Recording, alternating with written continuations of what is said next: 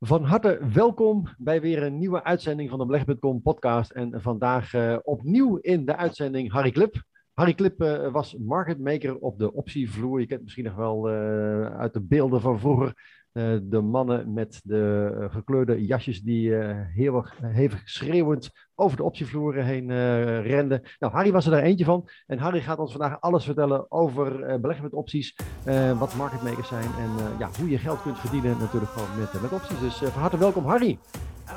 De grote vraag is dit.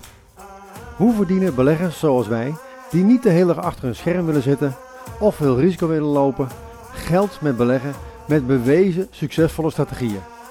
Dat was de vraag en deze podcast geeft je de antwoorden. Welkom bij de Beleg.com podcast. Ja, bedankt voor de uitnodiging Harden. En ik vind het altijd leuk om over opties te praten, uiteraard. Ja, precies. Want dat doe je al heel erg lang. Wat, kun je er iets meer over vertellen? Hoe lang doe je dit al, Harry? Uh, nou, soms zeg ik te lang. maar ik ben midden jaren tachtig begonnen. En, uh, tijdens mijn studie uh, bedrijfseconomie in, in Groningen heb ik kennis gemaakt met opties. En ik ben begonnen eerst met opties en later met aandelen, in tegenstelling tot vele anderen. En ja, in, in begintijd maak je natuurlijk alle domme fouten die er maar zijn. Dus ik kan wel zeggen dat ik genoeg leergeld betaald heb. En dat er ook toen andersoortige kennis aanwezig was. Die, die moest je echt ja, verzamelen. En er waren nog heel weinig boeken. Ja, internet bestond nog niet. Midden jaren tachtig uiteraard. En ik ben wel steeds dichter naar de professionele kant opgegaan. Uh, begonnen met, uh, dat heette Noord-Nederlands Effectenkantoor, zat in Groningen. Je had een, zoals dat mooi werd gezegd, een toonzaal voor particulieren. Daar mocht je gewoon gaan zitten. En die hadden ook een, ja, een software systeem wat vergelijkbaar was met wat ze op de beursvloer gebruikten. En daar had je niet zoals toen bij de ABN AMRO bijvoorbeeld, een telex die, die gewoon lichtjaren achterliep op de, op de echte uh, koersbeweging of teletext, die had je dan thuis. En dat liep dan gemiddeld 15 minuten achter. Dat kunnen we ons nu niet meer voorstellen. Maar dat was eigenlijk de snelste informatie die je had. Uh, dus dat, dat gaf al wel aan dat je, ja, dat je flinke afstand had uh, tot de optiebeurs. En ja, voor mij was het ook geografisch natuurlijk een flinke afstand, zo'n 200 kilometer. En ja, ik wou daar heel graag werken. Nou, na wat omzwerving is dat ook gelukt. Via een, dat heet een locals project, via Mees Pierson samenwerking. En dan werd je namelijk opgeleid eerst tot future handelaar. En ja, dat is ook op de optiebeurs. Dus ja, dan, dan kom je al aardig dicht in de buurt, zeg maar. Maar ik merkte al snel dat, dat ja, ik opties toch leuker vond dan futures. En ja, als je daar eenmaal werkt, dan heb je natuurlijk toch een ja, relatieve voorsprong uh, ten opzichte van anderen. En, en toen heb ik uh, na ruim een jaar gekozen om voor ja, een optiepartij te gaan werken. En, en dat heet dan optiehandelaar of market maker. En een market maker, ja, zoals het naam al aangeeft, die maakt de markt. En die heeft een zogenaamde stelplicht. En, en dat houdt in dat als iemand in een optieserie een, een, een prijs wil hebben, en dat is dan, uh, ja, toen was het eigenlijk altijd dus een, een, een broker, die dus uh, orders uitvoert voor particuliere of, of, institutionele klanten. En uh, dan moest je verplicht dus een markt afgeven. En die markt was dan tweezijdig. Dus je wist van tevoren niet van komt de tegenpartij kopen of komt die verkopen. En dan moest je bijvoorbeeld met een kwartje, dus laten we zeggen 2,50, dan wou ik dan kopen. En 2,75 wou ik dan verkopen. En nou, dan hoorde je wel van de tegenpartij wat, wat die wilde uh, met die betreffende optie. En ja, zo leer je dus wel uh, ja, heel snel te rekenen. Want als je een verkeerde prijs afgeeft, ja, dan kost het jouw geld. Nou, dan is het al snel uh, einde oefening. Uh, dus dat hou je niet te lang vol. Dus dat, dat leer je al uh, snel. Ja, toen kwam ook een beetje bepaalde softwareprogramma's die, die kwamen toen. En, en, daar leerde je ook wel van. Maar je leerde ook door ja, snel te kunnen hoofdrekenen. En dat vond ik ook altijd leuk. En ja, en, en kon ja, ongegeneerd gewoon schreeuwen tegen iedereen. Nou, dat, dat vond ik natuurlijk ook hartstikke leuk. Moest dan wel in het Engels, de 30-bit. En dan, uh, ja, dat stelde eigenlijk niks meer voor. En, en daar, daar ben je drie, vier weken later ben je aan gewend. En dan, uh, ja, dan doe je niks anders meer eigenlijk. Dus ja, leuke tijd gehad. ruim 14 jaar daar rondgebracht. Ja, want je zegt 30-bit. Kun je daar iets over uitleggen? Van, van wat betekenen dat soort termen? ja, je, dan, dan, dan, op de optiebus kort ze alles af. Dus eigenlijk geen, uh, geen woord te veel. en en uh, zo net bijvoorbeeld zeggen, nou, je wilt hè, op, op een prijs wil je bijvoorbeeld kopen. En dus bijvoorbeeld op 2,30 wil je dan kopen. En dan roept eerst de, de broker, die roept dan van bijvoorbeeld, laten we zeggen, april 30 call. Nou, en jij handelt dan, laten we zeggen, in Philips. Er staat nu 30. Nou, de, bijvoorbeeld dan is de markt 2,30 om 2,50. Nou, dan wil je misschien liever kopen, dus dan ga je die kant benadrukken. 30-bit, dat is de afkorting van ik wil wel kopen, die optie van oktober 30 of april 30, ik noem maar een voorbeeld, voor 2,30 euro. En, uh, en dan hoor je dat de tegenpartij uh, die wil misschien ook kopen. Die zegt dan, ja, 250 bit. Ja, nee, 260 zeggen we dan. Dan willen we op 260 bijvoorbeeld verkopen. En ja, dan moet hij misschien 250 of 255 betalen. En dat was toen nog ongeveer tussen de, de koop en verkoop was vaak ja, 20, 30 cent verschil. Zeg maar. En nu is dat allemaal ja, heel erg veranderd. het is allemaal elektronisch geworden. Dus de, de schreeuwende optiehandelaar is, uh, is passé. Ja. ja. Ja. want je gaat nu gewoon naar jouw bank of je broker, je logt daarin. Je geeft daar gewoon aan, ik wil uh, bijvoorbeeld nou, die optie handelen in, in, in ABN AMRO. En dan zie je daar gewoon staan ook hè, een, een, bijvoorbeeld een koers 230 om 260. En dan kun je dan op dat moment gewoon kiezen van nou, ik wil daar bijvoorbeeld 250 voor, voor kopen of daar wil ik daarvoor ontvangen. En op die manier kun je dan die order direct elektronisch plaatsen. En uh, ja, daarmee is eigenlijk uh, dat ambacht is, is een beetje verdwenen. Hè? Want, eh, dat is nou, het bestaat nog wel, maar het is nu, ja, het gebeurt dus allemaal elektronisch. En, en ja, een, een market maker voert wel zelf zijn variabelen in. En, en je ziet ook wel dat de prijzen nog steeds op en neer gaan met de onderliggende waarden. Dus als bijvoorbeeld dan ABN AMRO uh, 2 cent omhoog gaat, ja, dan gaat, gaat bepaalde opties, die gaan dan ook bijvoorbeeld 1 of 2 cent uh, mee omhoog. Hè, de, aan, de, aan, de, aan de call-kant omhoog en aan de put-kant uh, naar beneden. En dus daar zit wel een logica in. Ja, voor sommigen helaas misschien. het mooiste was als die logica er niet was, dat je kon profiteren. Maar dat market makers, ja, die, die weten wel over het algemeen wat ze aan het doen zijn. En dat ze ja, een goede prijs afgeven. Waarop uh, dus het publiek kan handelen, maar ook andere marketmakers kunnen daarop handelen. Dus dat, dat is ja, iedereen die op die markt uh, aanwezig is, kan, kan een tegenpartij uh, vinden. Ja.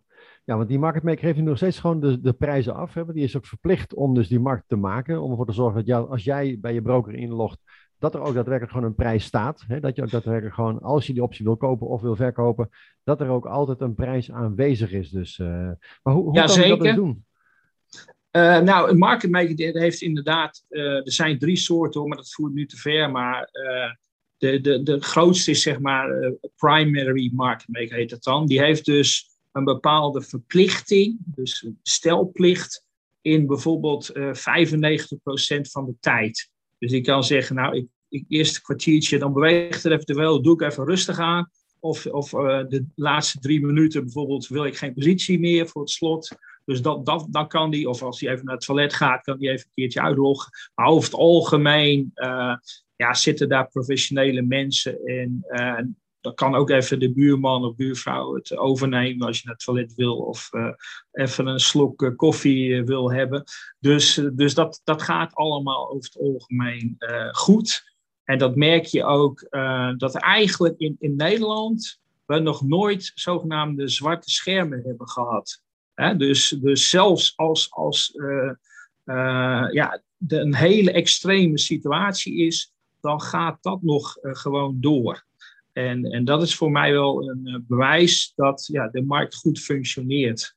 want, want ja, daar gaat het uiteindelijk om. Dat je ook in moeilijke omstandigheden uh, je wel aan je verplichting houdt. En, en ook denkt van, ja, het publiek heeft gewoon natuurlijk recht op, op, uh, op goede prijzen. Hè, dat het publiek door kan handelen.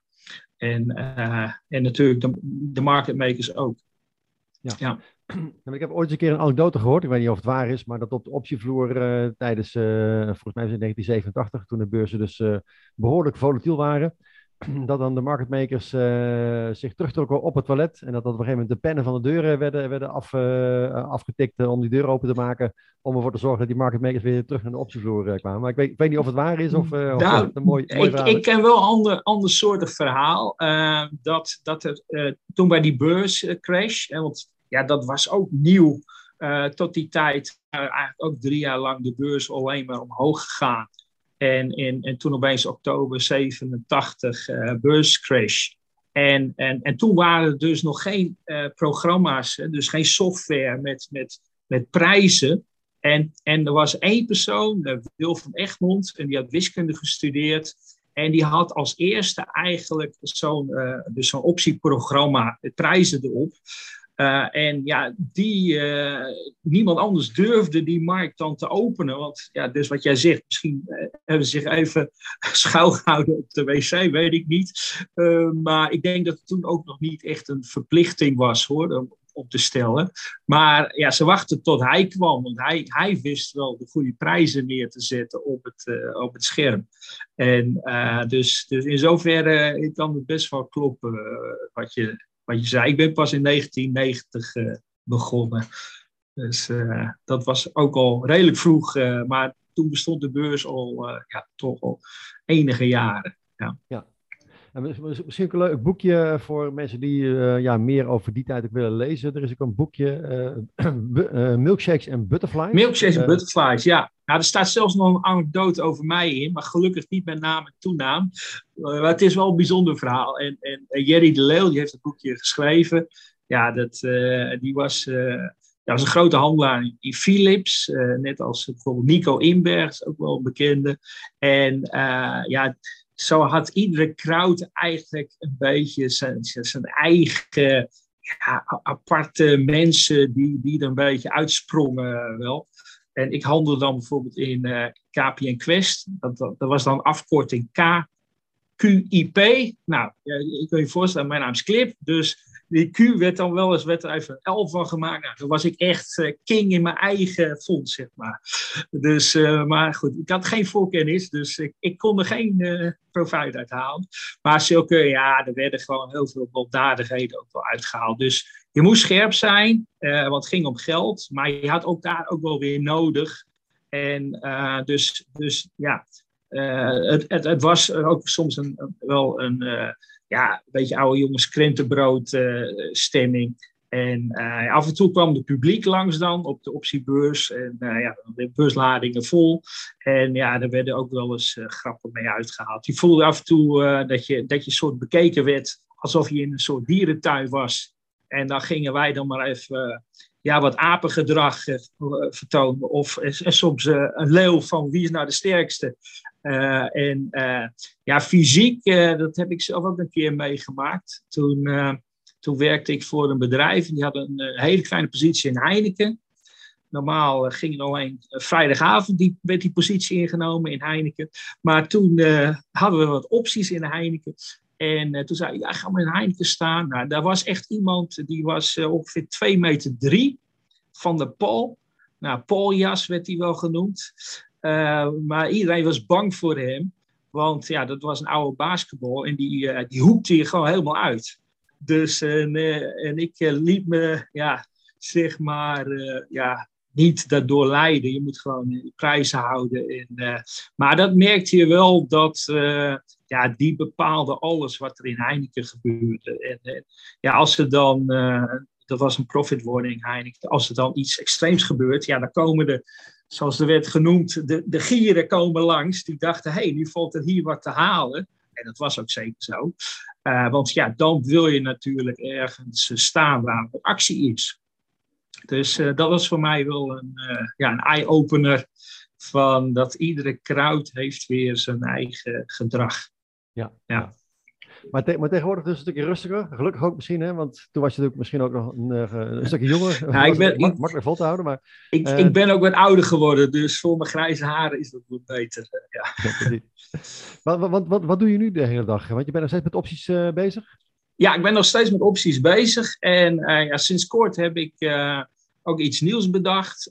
dus eigenlijk voor particulieren een service. En dat heet Tree Opties. En ja, de naam zegt het al, dat is eigenlijk drie verschillende strategieën in één pakket samengesteld, waardoor ja, eigenlijk je, je ja, alle kenmerken van opties, want bij heel veel hebben mensen altijd het idee van opties, oh dat is heel aanvallend, heel agressief in de markt. Maar je kunt opties ook op andere manieren gebruiken. Dus ik, ik noem het een beetje, je, je hebt eigenlijk een ja, een soort elftal en, en daar zitten aanvallers in en er zitten ook middenvelders in. En, en dan gaat het vaak ook over een stukje volatiliteit, een stukje bewegelijkheid wat je dan uh, toepast. En uh, ook een stukje kansberekening. Uh, dat, je, dat je ook weet van ja, bepaalde aandelen die bewegen over het algemeen niet zo hard. En daar kun je dan ook op inspelen. Dus het mooie aan opties is dat je zijwaarts zeg maar, ook posities kunt innemen zoals met aandelen, ja, dan moet je een kant kiezen over het algemeen. En kiezen mensen dan die kopen eerst. Hè, maar met opties kun je eigenlijk alle kanten van de markt bedienen. Dus zowel uh, hoger, uh, lager, maar ook zijwaarts kun je bedienen. En, en ja, dat maakt, vind ik, opties een ja, fantastisch product. Uh, goed, ja, ik ben, ik ben inmiddels 35 jaar mee bezig. En, en ja, ik ben nog steeds niet uitgeleerd. Iedere keer merk je weer dat de markt toch nog even weer anders is. En, en dat maakt het ook natuurlijk uitdagend. En, en ja, geen dag is hetzelfde. Dus ik volg nog steeds de markt. En voornamelijk de, de Nederlandse markt. Maar ja, bij de eerste paar uren van de handel, vanaf half vier, speelt Amerika natuurlijk een rol. Dus daar heb ik ook wel wat posities. En ja, daar kan het nog even wat heftiger aan toe gaan. Dat hebben we afgelopen week wel gezien met bijvoorbeeld uh, Facebook. Dat was eigenlijk in geld gezien de grootste daling in de geschiedenis die een fonds verloor op één dag. 25% ging eraf in Facebook. Dus wij noemen dat dan ja, Facebook. Die krijg je even een tik te pakken. Dus, maar zoals, zoals iedere dag weer anders. En ja, je moet uh, wel flexibel zijn. En, en dat merk je wel het verschil tussen, uh, zeg maar, een, een, goede handelaar en, een minder goede handelaar. Ja, die, uh, die stelt zich niet flexibel op.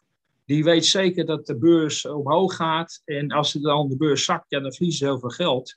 Terwijl een flexibele handelaar, die, ja, die waait eigenlijk met alle winden mee. En niet dat hij laf is, maar hij stelt zich gewoon flexibel op. En ik denk dat dat de basis is om, ja, om te overleven. Ja. ja, maar er zijn natuurlijk altijd kansen op de beurs. Hè? Of het nou omhoog gaat, naar beneden gaat, of dat het zijwaarts gaat. Want dat is ook het mooie, want opties daarmee handel je natuurlijk geen risico.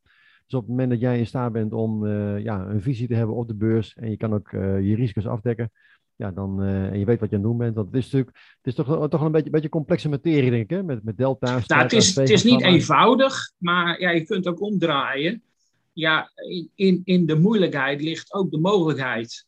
Uh, want als, als jij meer weet dan je tegenstander, ja, dan heb jij dus een voordeel. En uh, we weten allemaal wat eigenlijk de laatste twee jaar allemaal gebeurd is. Er zijn heel veel nieuwe beleggers op de markt gekomen, ook, ook veel jongere beleggers. Ken dus bijvoorbeeld een neef van mij, ook is student, die heeft gewoon zijn maximale beurs geleend. En die ging dan met het geld wat hij over had, dan ging hij dan de beurs op. En uh, ja, dat, dat ging ook een tijd natuurlijk heel goed. De beurs ging omhoog. Maar ja, je ziet de laatste drie maanden dat, dat de beurs ook kan dalen. En ja, juist voor zulke mensen is dat, is dat niet altijd even makkelijk. En dat zie je op de optiebeurs ook. Dat, dat mensen ja, een, een, visie hebben dat het alleen maar omhoog kan. En ja, inmiddels, ja, als je 35 jaar meeloopt, ik, ik heb alles al meegemaakt. stijgende beurzen, campinghouses, natuurlijk 9-11, uh, beurscrashes. En ja, daar, dat vormt je natuurlijk wel. En, en, en daardoor word je ook, ook nederig naar de markt. Uh, kijk, heel simpel, de markt heeft altijd gelijk. Je kunt, het, je kunt er wel niet mee eens zijn. Ik ook op zijn tijd wel. Maar het heeft geen zin om, om te zeggen van de markt heeft ongelijk. Want in je eentje vechten tegen de markt, dat heeft uh, geen zin. Dat kan misschien uh, de eigenaar van Tesla nog in zijn eigen fonds een beetje uh, volhouden. Maar dan krijgt hij ook af en toe problemen met autoriteiten. Zullen we maar zeggen. Dan kun je zeggen, ik ben de rijkste man ter wereld. Maar ja, die heeft ook zijn beperkingen dus. En, en dat is maar goed ook. De markt moet uh, natuurlijk ja, doen wat, wat, wat, wat er gewoon speelt. En, en dat is niet altijd even logisch.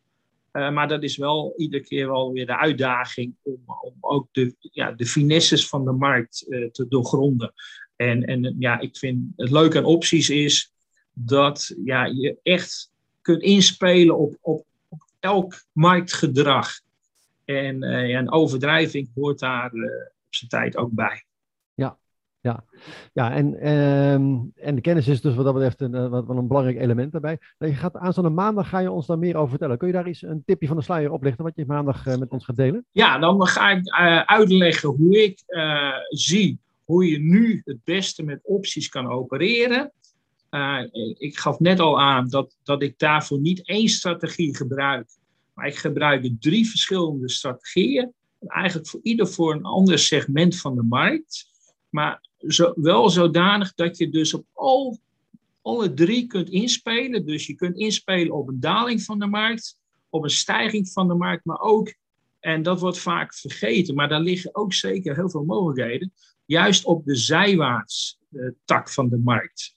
En uh, we denken altijd dat de markt altijd heel hard omhoog of heel hard naar beneden gaat. Maar ja, in bepaalde tijden gaat de markt ook heel hard zijwaarts. En, en dat wordt vaak vergeten. En, en kijk, dat is ook iets waar, uh, je aandelenfondsen, ja, die, daar kun je dan geen geld op verdienen. En, uh, maar met, met, met opties kun je daar juist heel goed geld op verdienen. Dus dat ga ik uitleggen. En ik ga ook uitleggen hoe, ja, hoe ik vind dat je de markt nu het dus kunt zien en hoe je daarop kunt inspelen met opties. En, en ook welke, ja, eigenlijk welke mindset je uh, daarbij nodig hebt. En, en inderdaad, een stukje educatie is denk ik heel belangrijk. Uh, dat je ja, met zelfvertrouwen uh, de markt op kunt. En ja, dat, dat zie je nu eigenlijk met die Olympische Spelen ook weer. Hoe belangrijk mindset is en, en, en, maar ook belangrijk dat je, dat je planmatig uh, te werk gaat. Uh, want ja, als je geen plan hebt, ja, dan, uh, dan wordt het gewoon een stuk moeilijker. Dan laat je te veel door emoties leiden. En ja, dat wil ik ook graag aangeven, hoe je dan samen met mij als, als mentor het beste ja, die markt kunt tackelen. Ja. ja, want de bekende uitspraak is ook gewoon: if you fail to plan, you're planning to fail. Hè? Dus uh, van eh, Winston Churchill.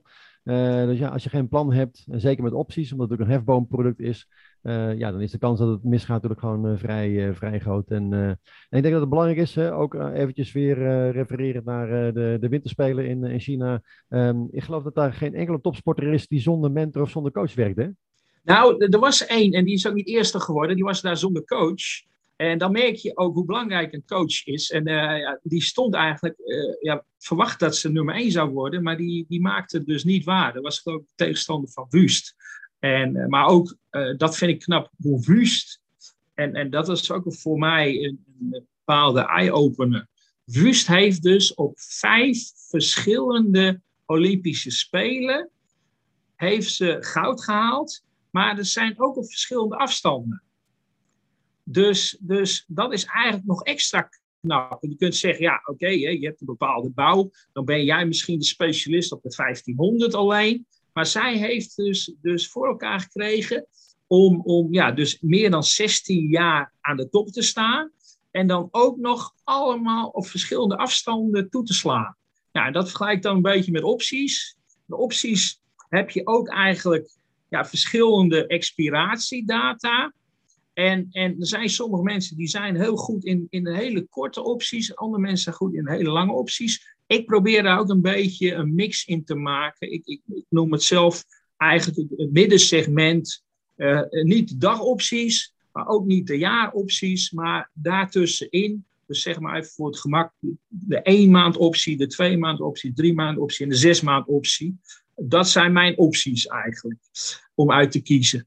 En uh, ik denk dat dat ook goed is, hè, ook weer een stukje mindset, dat je ook beseft, voor iedere afstand is iets anders nodig. En, en, en daar is natuurlijk een coach, ja, is, is denk ik uh, zeker heel belangrijk in. Om, om je ook uh, ja, bij te sturen. En uh, dat, dat, dat vond ik dus ook leuk, dat je zag ook hoe Irene Wust dan ook weer haar eigenlijk teamgenoot, die gisteren won, Kjeld Nuis heet die geloof ik, dat, dat, dat hij in de hoofd stoot, ja, ik moet rustig blijven tot aan de finish toe. Nou, en dat is met opties ook. De opties hebben ook een bepaalde finish. dat is de expiratiedatum. En dan merk je ook dat, dat sommigen die worden onrustig na die finish toe. He, dan denken ze van, oh, de laatste week ja, kan er nog heel veel gebeuren. Nou, dat, tuurlijk, je kunt, je kunt er heel veel gebeuren. En hetzelfde met, met schaatsen. Ja, je kunt de laatste ronde nog vallen. Dus, dus, dus qua mindset zit daar wel heel veel raakvlakken uh, mee in, met de sport. Ja. Zeker. Ja. Ja, en ik denk ook wel, ja, opties kun je misschien ook wel gewoon op die manier dus ook zien als een topsport. Hè? Belangrijk om dus de juiste mindset te hebben, juist een mentor te hebben, juiste strategie te hebben. Want ik denk dat uh, Nuis uh, bijvoorbeeld ook gewoon niet, niet, niet zomaar iets gaat doen. Hè? Zomaar rondjes gaat schaatsen en kijken waar die dan uiteindelijk uh, gaat, gaat belanden. en dat de Wust ook een plan heeft, een strategie heeft. En uh, dus daarom, ja, ik denk dat er heel veel analogie is. Um, ja, um, en het draait ook om geld. Hè, dus je moet het dat even opnemen tegen de rest van de markt. Dus jij moet wel gewoon zorgen dat je goed beslagen ten ijs komt. Om er even een mooie woordspeling te maken natuurlijk. Dus, uh, maar ik ben in ieder geval heel erg benieuwd naar, naar, naar de maandag in ieder geval hoe jij uh, ons meer gaat vertellen over hoe je ja, ook in ieder geval eerste kan worden, goud kan halen met, met opties. Met in ieder geval drie strategieën. En ik denk dat je die, uh, ja, ik kijk er in ieder geval heel erg naar uit. Want volgens mij is het echt uh, razend uh, interessant. En zeker van iemand die al meer dan 30 jaar bezig is met opties, daar alles over, over kan vertellen. Dus ja, mocht je het interessant vinden, meld je in ieder geval aan op 52experts.nl. Um, ehm, en als je deze video interessant vindt, geef hem ook even een duimpje. abonneer je even op dit kanaal zodat het algoritme ook gewoon weet welke video's je leuk vindt. En ook andere mensen zien uh, dat het een interessante video is, zodat andere mensen hem ook uh, kunnen gaan zien. Dus uh, hopelijk zien we je maandag weer bij 52experts.nl. En Harry, ontzettend bedankt in ieder geval voor het delen van deze kennis. En ja, ik, ik kijk eruit naar, naar aanstaande maandag. Wil je meer weten over beleggen? Bestel dan jouw kopie van mijn boek in 10 stappen succesvol beleggen of meld je aan voor de gratis online training op www.beleggen.com. In mijn boek en training ontdek je stap voor stap hoe wij bewezen succesvolle strategieën gebruiken om geld te verdienen op de beurs.